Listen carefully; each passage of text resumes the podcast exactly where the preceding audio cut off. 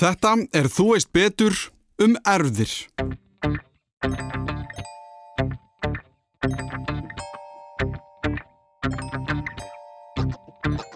Við fæðumst öll með nýja stöppbreytingar sem eru ekki í fóröldrum okkar. Að meðaltali þá fæðast einstaklingar með 75 stöppbreytingar sem finnast ekki í fóröldrum þeirra.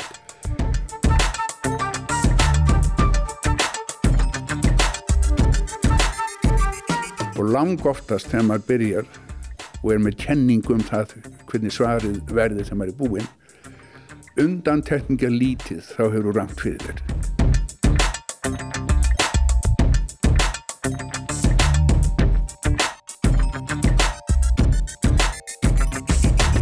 Og ástæðin fyrir því að það er, er Hallgrimur Pétursson sem yrti ljóð um blómstrið eina, en ekki blómstrið eina sem yrti ljóð um Hallgrimur Pétursson, liggur í þessum munni á rauðum nýturbasa, ACD og T, í erðamitti þeirra.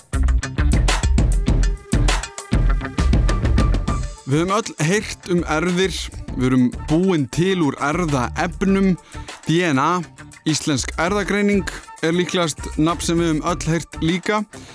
En um hvað snýst þetta? Hvað er þetta sem að býr okkur öll til og stjórnar því hvernig við erum? Ég fekk engan annan en Kára Stefánsson í viðtal. Líklegast þann fróðasta á landinu um málefnið. Við tölum um fortíðina, söguna, nútíðina og framtíðina. Og fáum kannski á hreint um hvað þetta snýst allt saman. En fyrst smá kynning frá hann sjálfum.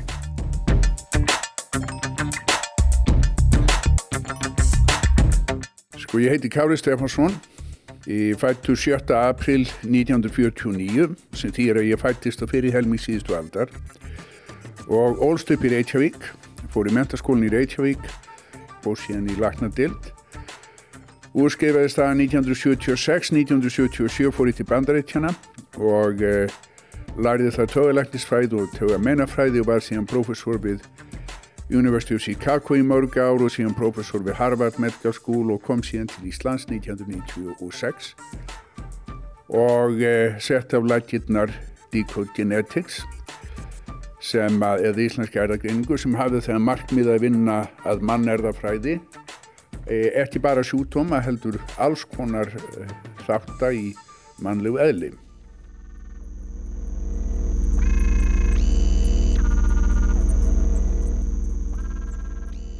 Þetta byrjar allt saman einhver tíman fyrir óra, óra löngu þegar að jörður, jörðun er, er heitur nöttu sem er að kóluna að það myndast af einhverjum skrinkiljum ástæð, ástæðum og öllum líkjundum á engum ástæðum, heldur bara tilviljun einni saman, það myndast í fyrsta DNA samyndin, síðan síðan byrjar að breytast í, í gegnum slempi breytingar á rauðum ACT og leiðir síðan til þess að það, af því verða til lífverður og síðan heldur þetta áfram að breytast í, og, og vegna þess að það verða stoppbreytingar í, í DNA sem gera það verkum að þessa lífverður fá eiginleika sem gera það verkum að hafa fleiri afkvæmi heldur en þau sem hafa ekki þessa breytingar og þetta heldur áfram samkvæmlega við endum með dýratjónd sem við kallum mannin sem að, að vísu er ennþá að breytast, við erum ekki í endanlega pródútt, við heldum áfram að, að aðlægast í umhverfi sem við búum í.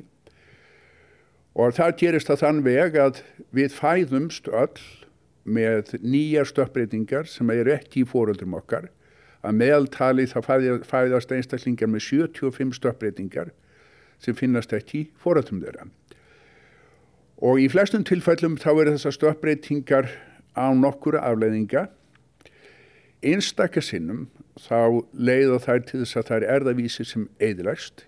Eitt af hverjum tíu börnum sem fæðast eru með nýja stöppbreytingu sem eðilegt í erðavísi eitt af hverjum 20 börnum sem fæðist fæðist með, með stöppbreytingu sem er eðalegur erðavísi sem er tjáður í heila.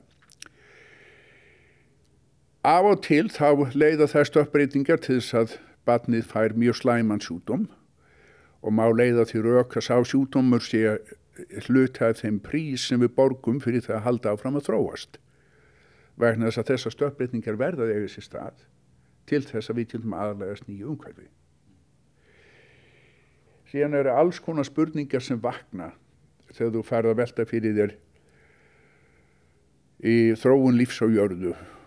Þú farið að velta fyrir þér hvernig maðurinn verður til, hvernig hann einkennist, hverju er hans aðal einkenni, hefur skoðar hann í samhendi við annað líf á jörðu. Og þá má leiða til rauk í sjálfum sér að við séum ekkert annað en heilin okkar. Heilin er lífhæri meðvutundar og meðvutundin er með tvo megin þætti, annars vegar samspil sveps og vöku og hins vegar innihald meðvutundar sem eru hugsanir og tilfinningar. Og hugsanir og tilfinningar eru það sem stilgrein okkur sem dýrategund og hugsanir og tilfinningar eru það sem stilgrein okkur sem einstaklinga innan tegundarinnar. En við höfum í sjálfum sér eftir hugmyndum hvernig heilin hugsar, við höfum eftir hugmyndum það hvernig heilin býr til tilfinningar og svo fenn maður að spyrja hvernig stendur af því að heilin var til, þessi heili sem gaf okkur tónlist Bax, Mozart og Beethoven. Hvað er ósköpunum bara með það að gera og kannski hefur hann eftir mikið með það að gera en hins vegar verður heilin apparat sem er nótund til að svindla á þróunni Venjulega þegar að dýratjóndir aðlegast nýju umhverfi þá gera þær með því að fara í gegnum röð af stöppbreytingum og síðan val á eiginleikum sem að, að eru hagstæður og gera það verkum að þú átt fleiri afkvæmin aðrir í nýja umhverfinu. Heilin hins vegar gera það verkum að við getum aðlegast umhverfinu á þess að fara í gegnum þetta. Bara með því að nota þá grein sem kemur í gegnum þennan heila. Þannig að það maður líti á heilan sem einhvers konar svindlaparat Þetta er bara apparat sem var í okkar höfuð sett til þess að hjálpa okkur við að komast fram hjá hennum ímsu grundallu lögmálum lífræðinar. Og þá er kannski næsta spurning, hvenar byrjum við, maðurinn, að átt okkur á erðum og hvaða hlutverki það gegna? Er það langt síðan? Það er bísna langt síðan að, að menn fóru að átta sig á erðum en það má segja að, að það hafi átt sér í, sko grundu alltaf breytingar á því hvernig menn hugsuðu um erðir um miðja 19. öld með, með Darwin og Galton og öllum þessum snillingum sem fóru að gera sig einn fyrir þróun lífs á jörðu. Ef við veldum fyrir okkur lífi á jörðunni almennt, þá á allt líf á jörðu rætu sínir í DNA það er ekkert líf án DNA. Þannig að eru upplýsingar sem litja í DNA eru ábyrgar fyrir öllu lífi á jörðu. Þannig að þessar upplýsingar sem eru skráðar í þennan einfalda kóða A, C, E, G og T er, eru e, mikilværi heldur römbulega nokkuð annað í heiminum. Breytanleikið í röðum á A, C, G og T er ábyrgar fyrir öllum fjölbreytileika í lífheimi. Og eða veldur þessu fyrir til dæmis að, að mönurinn á Hallgrími Pétursinni og blómstrunu eina liggur bara í munum á röðum á ACD og T í erðamengi þeirra. Og ástæðin fyrir því að það er, er Hallgrími Pétursson sem yrti ljóð um blómstrið eina, neitt í blómstrið eina sem yrti ljóð um Hallgrími Pétursson liggur í þessum munni á röðum nýturbasa ACD og T í erðamitti þeirra. Mm. Þannig að við erum í sjálfum sér ekkit annað en afleðing þess að það eru það eru nokkur sko nokkra DNA samindir sem eru í, í jafnvægi við umhverfið og þegar þú veldir fyrir þér sjúktómi mannsins, aldengum sjúktómi mannsins þá eru þeir fyrirbríði sem á sér stað á þessum snerti fletti erða umhverfis í það eru erðaþættur og það eru umhverfistættir sem letja mörgum til eiginlega allra aldengra sjúkdóma mannsins. Þá að þegar þú byrjar að beina sjónundumnum og, og um, að þessum sjúkdómum og að þessum, að þessum tveimur þáttum í áhættunni, annars verður umhverfun og hins verður erðunum, þá endar á því að gera þig grein fyrir því að það er kannski engin sko, lína sem stílur að erður og umhverfi og ég get gefið þér þetta klassiska dæmi um það þegar það kemur að sjúkdómi mannsins að á Íslandi þá er lúnakrabba megin næstu því algjörlega umhverfi sjúkdómur Það færi umverulega einn lúnakrafmenn á Íslandi nefn hann hefur eitt um langan tíma. 97,5% þeirra sem fá lúnakrafmenn á Íslandi hafa eitt.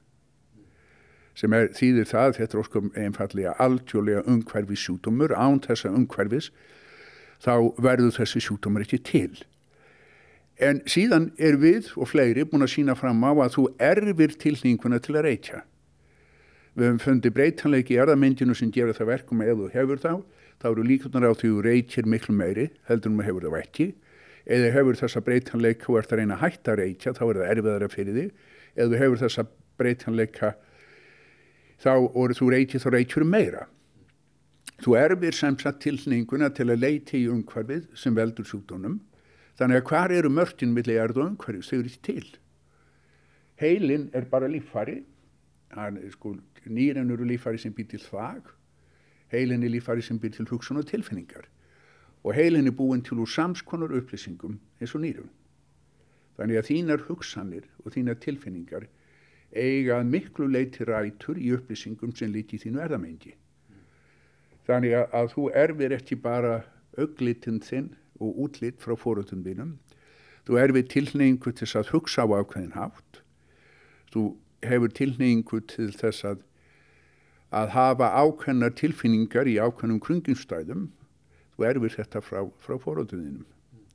Þannig eftir að maður er búin að velja fóröldra sína þá er bara ekkert mikið eftir að velja. Þegar þið byrjið 96 hér, uh, á hvað stað eru rannsóknir í erðum þá á heimsvísu og hvað er það sem gerir það verkum að þú ákveður að fara að rannsaka þetta sem að virðist vera ef að segja endalus rannsókn? Sko þetta byrjar þannig að, að, að 1995 þá var ég professor við eh, Lagnarskóla Harvard Háskóla og er að vinna við rannsóknir á hinum að þessum sjúdómum og eh, gerði mér grein fyrir því að eina leiðin til þess að rannsaka þessa sjúdóma kjærfisbundið væri að fara að skoða erðamengir.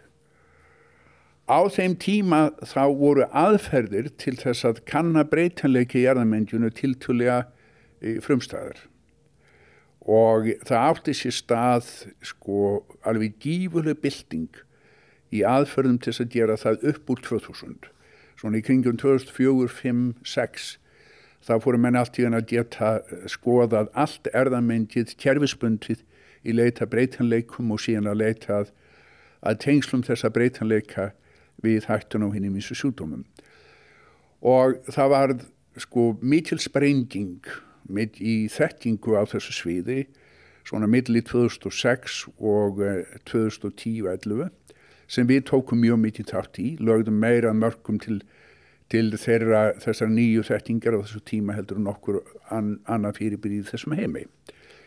Síðan upp úr uh, svona 2000 og, og um, 10, sagt svona 8, 9, 10 þá það var önnur bylting í aðferðum sem gerði það verkum að menn gáttu farið að raðgreina allt erðamengi úr stórum hóp manna. Uh, og þegar þú segir raðgreina, hvað áttu við með því? það, það er að þú vart að raðgreina allt erðamengi um manni, þá ertu að fíkra þig eftir þessum, eftir öllu erðamengjunu og ákvarða hvaða nýtrubas er á hverjum stað fyrir sig. Þetta eru þrýr og halvur miljardur basa og þú verðum að fíkur okkur eftir hverjum einasta basa í, í erðamengjunum, fíkur út hvort hann er A, C, D eða T. Og það er í því sem, sem upplýsingarna liggja sem búar til einstaklingin. Þegar við byrjuðum það að rækreina, það var búið að reyna að rækreina erðamengi úr um, mótelmanninum. Það er að það voru tvö, tvö verkefni í gangi, annars vegar var verkefni af halvu ofnbæri aðila í bandarækjunum að Breitlandi að ræðgreina eitt erðamengi úr einu manni. Og síðan var annað verkefni sem var á höndum enga fyrirtætis í bandarækjunum og þeirri ræðgreiningu laug svona í kringum 2000-2003 þannig að, að það var komin, það var komin, sko, það var komin mót sem gæst borið í raðirna við, byrjum, við byrjum að ræðgreina þennan stóru hópa fólki. Svo hægt og hægt þá hefur stilningur manna á þessum röðum, stilningur manna á erðamendjunu, hvernig það byggt upp hefur auðkist tiltúlega hratt. Þannig að í dag þá er þetta í sjálfum sér tiltúlega einfalt. Að vísu er þetta svo mikið af gögnum, það er svo flótið að að veist ég leiti að vinna með svona mikið af gögnum, til dæmis þau vort með eh, raðir úr, úr öllum erðamendjum 2000 manna. Þá er bara, þá er gögnin svo mikil að það tekur mikið tíma að flytja því að gemsludiskum yfir í tölfur og svo framvís og framvís þetta verður allt saman aldrei mikið kraftliftingar. Þetta er ekki bara, er ekki bara leikur og gaman heldur svolítið kraftliftingar. Í, en hérna innan hús er alveg feikilega fært fólk sem hefur verið að þróa aðferðir, nýjar aðferðir við að gera allt þetta Og er þá verkefnið núna að sapna bara upplýsingum á fullu um sem flesta? Verkefnið er að afla upplýsinga um stórun hópa fólki og síðan finna aðferði til að sækja þettingu í þau gögg sem verða til. Og það er ekki, létt verkandilega, það er mjög flótið. Og það er það sem við höfum kannski verið á undan öðrum, er, er ekki bara í því að afla gagna, heldur setja, setja saman aðferði til að greina þessu gögn, setja okkur sjálfum ákveðni standard í því hvernig við gerum þetta sem gerir það verkum að það sem kemur út úr þessu er að marka. Vísindin er að vissuleiti mjög flókin og, og eh, eitt af því sem að, af því sem að, að þú lendir í sem vísindamadur er að, að þegar þú spurð spurningar, eh, raunverulega spurningar í vísindum þá er svolítið laung leið að svarinu. Þetta gerist ekki á, á augnablíti. Og áðan að þú kemur að svarinu þá þarf það að fara yfir ansimörg gatnamót og hverjum gatnamótum þá getur óskittja dreyið í alls konar áttir. Þannig að af þeim, eigin, af þeim þeir eiginleikar sem góðu vísundamæður getur ekki verið án er heiðarleiki. Þú verður að vera heiðarlegur gagvart sjálfum þér og mátt ekki plata sjálfa þig og íta sjálfa, sjálfa þig út í einhverju átt sem að leiður að því sem að þú vildir að væri þarna. En þess að þú getur ekkert samið við, við skal ég sé líffræðinum hvað er til staðar. Þú verður bara sagt að þið við að það er sem er og, og lang oftast þegar maður byrjar og er með kenningum það hvernig svarið verði þegar maður er búinn undan tekninga lítið þá hefur þú ramt fyrir þér Þannig að þetta er mjög auðmítjandi vinna. Gögnin eru sífælt á auðmítjaman. Þannig að maður verður að vera svona hálftjörðum aðsókisti til þess að vinna í vísindum í langan tíma. Þá erum við búin að fara yfir sögu erðafræðiransokna í grófum dráttum. Við vitum að við fæðumst með 75 stökkbreytingar frá foröldurum okkar að meðaltali Og það er forvinnilegt að vita hvernig ljóðið hjá blómstrinu eina um Hallgrím Pétursson hefði verið ef að nýturbasarnir hefðu raðað sér öðruvísi upp. En við vorum búin að nefna sjúkdóma eins og lúnakrafamenn og mér lág þá forvinna að vita hvort að áherslan væri mestmægnis á sjúkdóma eða hvort við værum að aðtuga fleiri hluti eins og skapgerð. Ef þú spyrir spurningina hvað eru sjúkdómar? Sjúkdómar eru það sem að gerist þegar líffærin virka ekki. Þannig að til þess að geta búið til stilninga sjúkdómum þá verður við að hafa stilninga á því hvernig líf fari myrka. Og eina af aðstofanum fyrir því að, að við og aðrir eigum í erðileikum með að búa til almennilegan stilning til dæmis á geðsjúkdómum sem eru sjúkdómar, hugsan og tilfinninga er svo að við stiljum ekki hugsanur og tilfinningana eiginlega vel. Og eitt af því sem við höfum verið að gera upp á síkastiði er að reyna að nota erðafræðina til þess að búa, búa til stilninga á þessu hvernig hugsaður heilin, hvernig, hvernig býr heilin til tilfinningar og um, það við svona hægt og hægt mjakast í því þá átt að búa til pínu og okkulítinn stíling á þessu en við um land í land. Er þá ekki doldið flókið að því að þú talar um heilan og tilfinningar að því að við vitum að við skiljum heilan heldur ekki sérstaklega vel. Er munu erðir hjálp okkur að skilja heilan eða þurfum að skilja heilan betur til að skilja erðinar? Við þurfum ekki að skilja heilan betur held ég til að skilja erðir nema á einleikum sem lútað heilanu sem slíkum. Við þurfum að hafa tiltúlega góðan heila til þess að geta búið til stilning á heilanum sem slíkum. og þetta er svona leiðin manna þessu, þessu, þessari gamla, gamla paradoksi þurfum við ekki einhvað sem er merkilegur en heilin til þess að búið til stíling á heilanum. Mm. Ég held að það sé nú kannski endilega rétt, ég held að það sé ekkert mistist þegar að, að kemur í heilanum, hann er bara líffæri, hann er líffæri sem er sett saman úr samskonar upplýsingum og, og, um, og önnu líffæri og sem dæmi, sem dæmi um það hvernig, hvernig má byrja að hvernig má hefja þessa vegferð í aftastílning hjá því hvernig heilin virkar. Man er sem dæmi vinnu sem við unnum fyrir nokkrum árun þegar við tókum stöppbreytingar sem auka líkur á djæðklofa. Og djæðklofi er sjútumur hugsan og tilfinningar. Og við tókum þessar stöppbreytingar sem að, að meðaltali tífalda líkunar á því að þú fáir djæðklofa. Eða þú ert með þessar stöppbreytingar þá ertu tíu sunnu líklari heldur um meðaljónin til þess að fá djæðklofa. Tíni á djæðklofi í samfélaginu er svona 0,6 til 1%, svona um 1% af, af fólki í samfélaginu fær djæðklofa sem tíður eða þú ert með þessar stöppbreytingar þá ertu með 10% líkur af því að fá djæðklofa sem þýr að þú ert með 90% líkur til þess að fá eftir djæðklofa og eins og ég sagði áðan þá er, er djæðklofi sjútumur húsan og tilfinningar og þeir sem eru með djæðklofa hafa ákveðin frávik frá, frá eh, normativ normi þegar það kemur að hugsunum. Þeir hugsa öðruvísi heldur en fólk almennt. Og spurningin sem við spurðum var hvaða áhrif hafa þessar stöppbreytingar á hugsun hjá þeim sem bera stöppbreytingarnar en fá eftir sjúdóminn.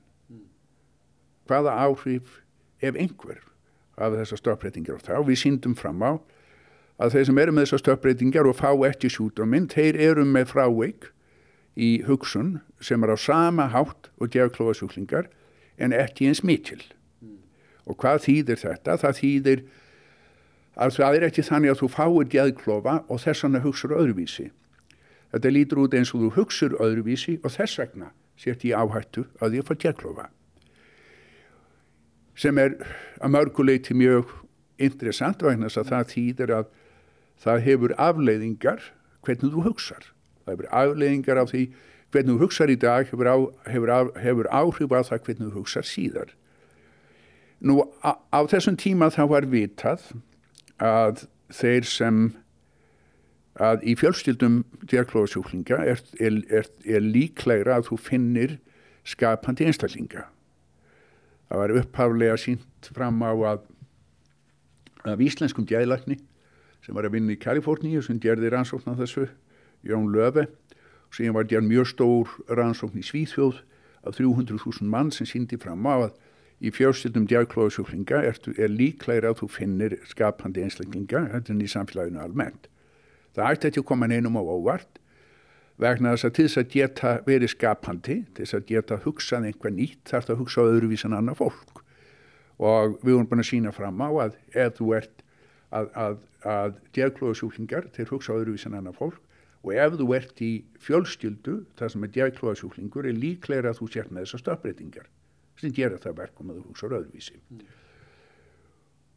sem er fórsenda þess að geta verið skapandi svo við, það sem við gerðum til að, að en, en það var ekki vita hvort að, að lí, það er líklega að þú finnir skapandi einstaklingi í fjölstyldum djæðklóðasjúklinga við sem ekki hvort það var vegna þess að þessa fjárskildur í umbera öðruvísi hugsun betur en aðra fjárskildur eða hvort að djeðklofinn og sköpunamátturinn deila biológiu. Mm. Svo til þess að svara þeirri spurningu þá tókum við alla breytinleiki í erðamindjunu sem hafa áhrif á hættun af djeðklofa og við byggum til úr því skór. Þeim er harra skór sem verður með þeim er líklegir að þú fái djeðklofa. Svo við skoðum þetta í, í, í samtökum félugum hérna skapandi stjætta í félagi íslenska myndlistamanna, tónlistamanna og svo framins og framins og síndum fram að þeir hafa þeir hafa í harra skór pólitíni skór fyrir djegklofa heldur um fólk í samfélaginu almennt. Þannig að, að sköpunamátturinn sköpunagáan mm. og djegklofin til deila biológiu hluti að biológiu djegklofa finnst líka í hennum skapandi einstakling Þetta er mjög aðtiklisvert vegna þess að það þýðir að þessir eiginleikar sem gá okkur tónlist Bachs, Mozart og Beethoven, gá okkur iPhone-in og svo framvís, eru eiginleikar sem 1% af samfélaginu borgar háan prís fyrir með því að fá djöklofa. Og þetta er, þetta er bara dæmum það sem að dæmum mjög al, alhæft prinsip sem er það að mjög oft að borgar einstaklingurinn þá, þá gældur einstaklingurinn færi það sem gagnast hópnum. Það sem við erum yfirleitt alltaf að gera er að taka lítið af erðamenti fólks með ákveðna eiginleika, hvort sem þeir eru eðlir eiginleikar eða sútumar, til dæmis að taka erðamenti úr fólki með djæðklofa og við berum það saman við erðamenti meðalmannsins í samfélaginu. Það er það sem við gerum og, og síðan notum við ákannar tölfræðilegar aðferði til þess að gangur skuggum að þetta sé ekki að tilvílin einnig saman heldur sé þetta raunveruleg marktæk tengsl meðli breytanleiki erðamindjunu og, og hættun á súdóminum. Í lang flestum tilfellum þá er um að ræða breytanleika sem auka líkur en búa ekki til öruglega og án snokkus vafasúdum. Nú eru þið kannski að velta fyrir ykkur hugsa ég öðruvísi en annað fólk. En hér komum við að enda útvarsútgáfu þáttarins en í lengri útgáfu sem hægt er að nálgast á hlaðvarpinu spjöllum við Kári aðeins um framtíðina og til dæmis þetta hér. Ég er ekki nokkrum vafa um að innan nokkra ára þá komum við til með að raðgreina alltaf erðamengi úr öllum til sem fæðast. Ef að þið viljið vita meira getið þið hlustað á lengri útgáfu af Þú veist betur um erfðir á hlaðvarpinu eða hvaða hlaðvarpveitu sem að ykkur listir.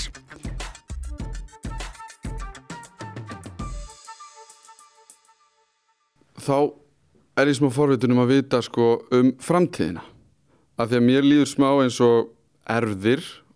Já, séu að verða vinsætli við fáum það er auglist á söngakefni eða Eurovision Know Your Heritage eða eitthvað það sem að fólk sendir inn blóð eða síni og það ætlar eitthvað fyrirtæki að rekja ættir þínar og hvaðan þú ert og hvaðan þú kemur.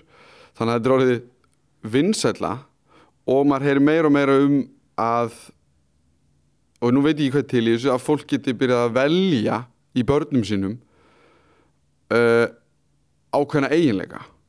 Það er ekki líklegt að það sé nokkuð starf í heiminum í, til staðar svo þjónusta að fólk geti farið að velja eiginleika í börnum sínum. Það er fræðilegur möguleik á því að gera þetta og uh, ég held að það væri stjálfilegt en mann færi að nýta sér þann fræðilega möguleika og eina sem leiðu færða fyrta í, í þessu erðaefni sem flæðir frá einni kynslu til annarar í samhengi við umheim sem við búum í. Um leiðu ferða fyrkt í þessu þá ertu farin að, að þá ertu farin að, að trubla mjög mikilvægt prinsip eða mjög mikilvægan feril sem leiti til þess að líf var til á jörðinni og við fann að fyrkt í því hvernig það þróast. Og ég, ég er svolítið skeptískur á það að við getum gert þetta á stinsamlegan hátt ég vona að þetta fari ekki að gerast. Ég vona að, að svona gallagrýpur eins og ég og þú höldum að að fæðast í þessum heim, inn í þennan heim í vegna þess að, að þessi hugmyndum eugenics um það hvernig þú markvist bætir mannkinn ég held að, að ég held að sé hægt að því að það virki illa. Af, því, af því ég get ímynda mér að það sé smá svona butterfly effekt eins og einhver segja að þú byrjar að breyta einhverju litlu og það, þú veist ekki alveg hvaða áhrif það hefur. Ég er aldjúlega samanlega þessu að þú breytir einhverju litlu og þú veist ekkert hvaða áhrif það hefur á einstaklingin, þú veist ekkert hvaða áhrif það hefur á tegundina í, og um, já, minnst þú veist ég get okkar til þess að spá fyrir um það takmarkuð Og þá kannski bara, ef ég ekki segja loka spurningin, hvernig sér þú framtíðin, af því þetta var kannski framtíðin sem ég, ég sé að fólk er að reyna, en hvernig sér þú hana? Það sem ég sé fyrir mér er að við notum erðafræðina og um, þann skilning á lífræði mannsins sem við, sem hægt er að ná í gegnum erðafræðinni, við notum hana til þess að breyta læknisfræðinni. Gera læknisfræðina einstaklingsmíðaða. Í, í dag þá markast læknisfræðin mest af því hvernig við nálgumst sjúdóma. Það er að segja að, að ef þú ert með einhvern ákveðin sjúdóm þá er aðferðin sem er notuð til þess að reyna að lakna það af sjúdómanum miðast við sjúdómin eini einan. Hugmyndunum um einstaklingsmiða læknistjónustu sem ég er að tala um, hún byggir á því að við, við lítum ekki bara á sjúdómin heldur líka samsetningu einstaklingsins því hvernig einstaklingurinn er frábriðun öðrum einstaklingum í því hvernig við nálgumst í læknisfræðina. Við, við hljóttum að byggja upp mjög kröftuga fyrirbyggjandi læknisfræði þar sem við nýtum okkur að erðafræðin getur, getur hjálpað okkur við að ákvarða líkunar á því að, að einstaklingar fái ákveðin sjútum og þegar þú veist hverjir það eru sem er líklegt að fá í hjarta áfall eða brjóstakapmein eða hvaða sjútum sem er þá áttu möguleika á því að, að beita öllum þeim aðferðum sem til eru til fyrirbyggingar á þennan sérstakka hóp og á þann haft komið vekk fyrir að þeir lendin á sjúkrahúsum og búið þar til mikinn kostnáð og svo framvegis. Þannig að það er ekki bara með því að nota þess að einstaklingsmiðu læknistjónustört ekki bara að gera læknistjónustunum betri, heldur er sá draumur að það gerir læknisvæðina miklu ótýrari. Þannig að eins og kostnaður við læknistjónustu er að, að þróast í dag, þá er alveg ljóst að, að samfélagin er í þann veginn að hægt að, hafa efni á því að reyka eins góða læknistjónu eins, eins og hægt væri. Þannig að við verðum að finna einhverja aðferð til að minga kostnaðin og hugmyndin, eina af hugmyndunum að nýtingu, hugmyndin að nýtingu erðafræðin er, er að nota hana til að búa til einstaklis miða að læknistjónustu.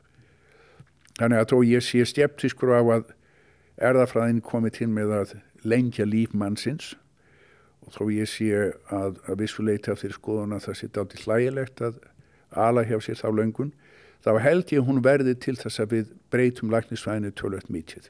Hún verði einstaklismíðaðri og hún komi til með að hjálpa við að ekki bara að gera læknistjónustuna betri, heldur ótýrri. Mm.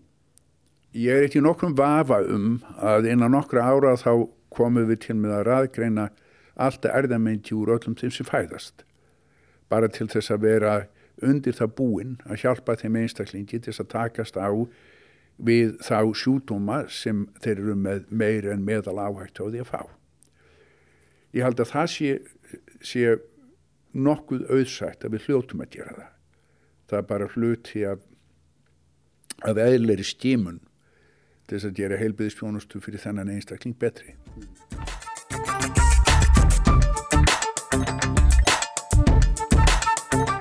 Þetta var Þú veist betur um erfðir og við þökkum Kára Stefónssoni kærlega fyrir að vera sérfræðingun okkar í þetta skiptið. Ef þið hafið einhverja spurningar getið þið senda á allimarat.ruf.is og ég aðtuga hvort að sörin leynist ekki í viðtalsbútum sem lendu á klippikólunu. Ég heiti Allimár Steinarsson og ég vona að þið séu einhverju nær um erfðir.